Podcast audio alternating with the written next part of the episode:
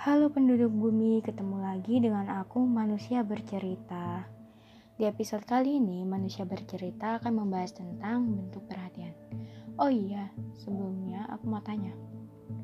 Pasti kalian pernah mendapatkan bentuk perhatian.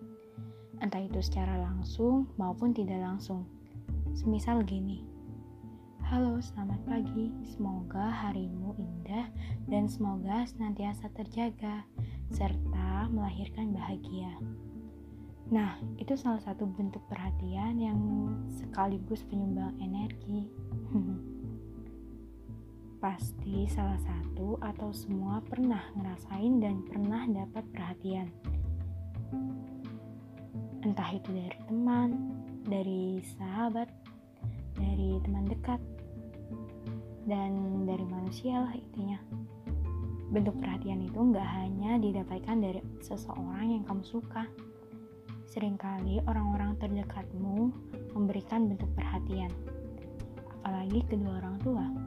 The best lah pokoknya mereka. Mereka itu perhatian banget. Jadi gini aku mau cerita dikit. Gak dikit sih tapi panjang. Jadi pernah suatu ketika aku ngerjain tugas seharian penuh di kamar. Sampai-sampai ibu aku nyamperin dan ngasih segelas air putih sekaligus masakan yang gak ada duanya di bumi dan terenak di bumi.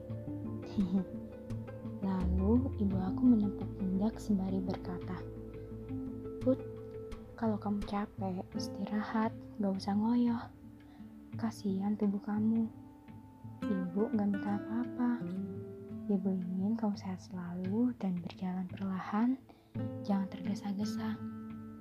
Jangan lari, jalan aja. Jalan, tapi senantiasa terjaga. Suatu saat akan sampai. Dan jangan paksakan tubuhmu terlalu lelah. Ibu sayang kamu seisi bumi dan sejagat raya. Hmm. Penyumbang energi terbesar yang pernah aku miliki di bumi.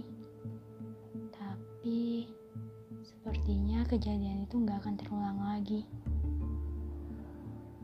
Februari Februari memisahkan aku dan ibu untuk selamanya. Hmm. Di sisi lain, bapakku itu beda banget sama ibu. Sekitar 360 derajat perbedaannya.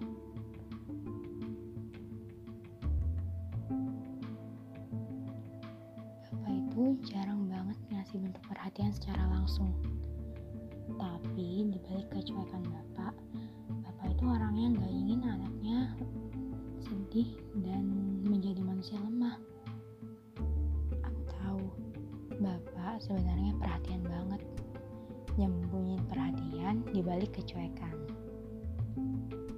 Pernah suatu ketika, tepatnya selepas ibu dan mbak meninggal. Bapak bilang gini, sembari sesebukan, Put, ibu dan mbakku udah meninggal. Sekarang yang tersisa dan yang bapak punya hanya kamu, Mas Bagas, dan adik-adik.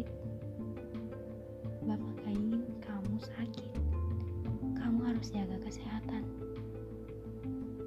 Dan kamu harus rajin belajar. Kamu harus lulus.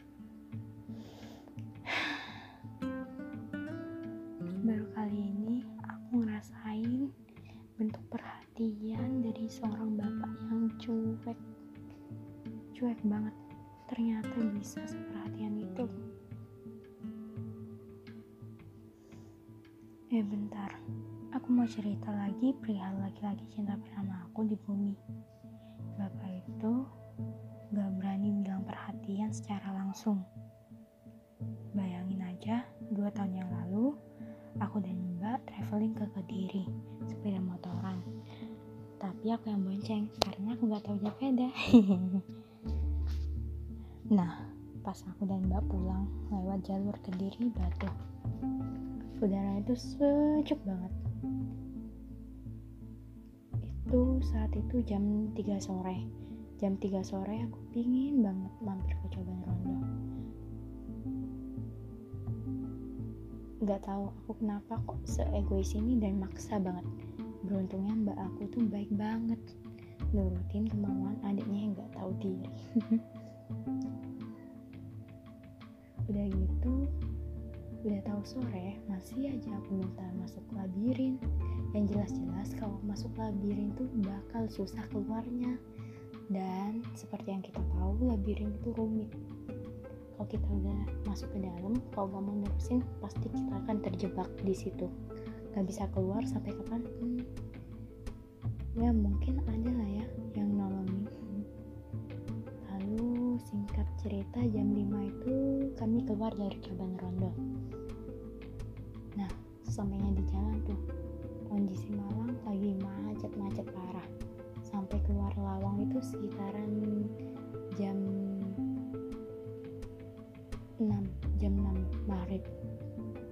Nah selepas itu kami istirahat di warung Dowo sekitar jam setengah tujuh setengah tujuh itu nyampe warung Dowo mbak aku bilang gini put siap-siap bentar lagi kita bakal melewati kawasan perbegalan pegangan yang kenceng aku ngebut nyepeda kamu ngebut doa. Sumpah jalanan waktu itu sepi banget. Cuman ada aku dan mbak yang berlalu lalang Dan padahal itu kita itu perempuan gak tahu perempuan gak tahu mbakku itu nekat banget dan berani banget. Aku di situ itu waktu dibonceng itu cuma bisa nangis dan berdoa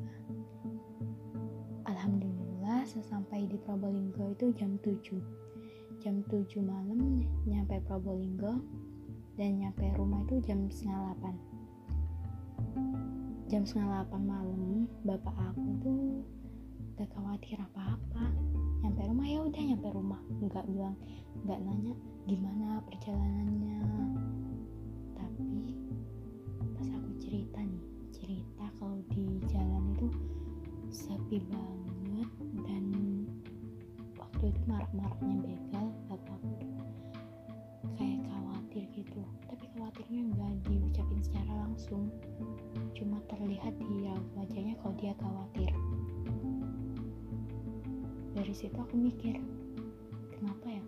Kebanyakan perempuan itu kalau khawatir itu pasti ditunjukin. Entah itu lewat kata-kata entah itu secara langsung maupun itu kode. Sedangkan kebanyakan kalau laki-laki itu khawatir itu gak ditunjukin secara langsung. Mereka itu pasti sok cuek. Eits, tapi jangan selalu nyimpulin kalau laki-laki itu cuek. Kadang kecuekannya itu diselipin diselipin perhatian. Jadi perhatiannya itu diselipin lewat kecuekan juga sih? Tapi sepertinya ada ada yang gak cuek. Pokoknya intinya itu gak semua laki-laki itu gak cuek. Pasti itu punya hati nurani hati nurani yang suatu saat akan terketuk. Sekalipun dia cuek ya dia gak bener-bener cuek. Dia nyembunyiin perhatian di balik kecuekan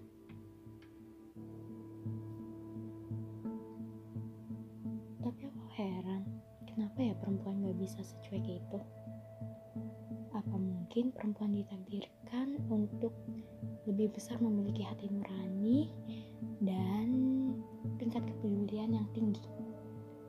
Hmm entahlah pokoknya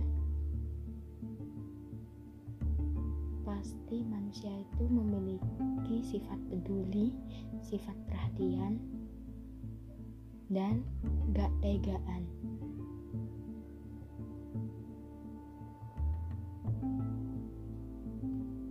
Pasti, pasti itu mungkin pasti.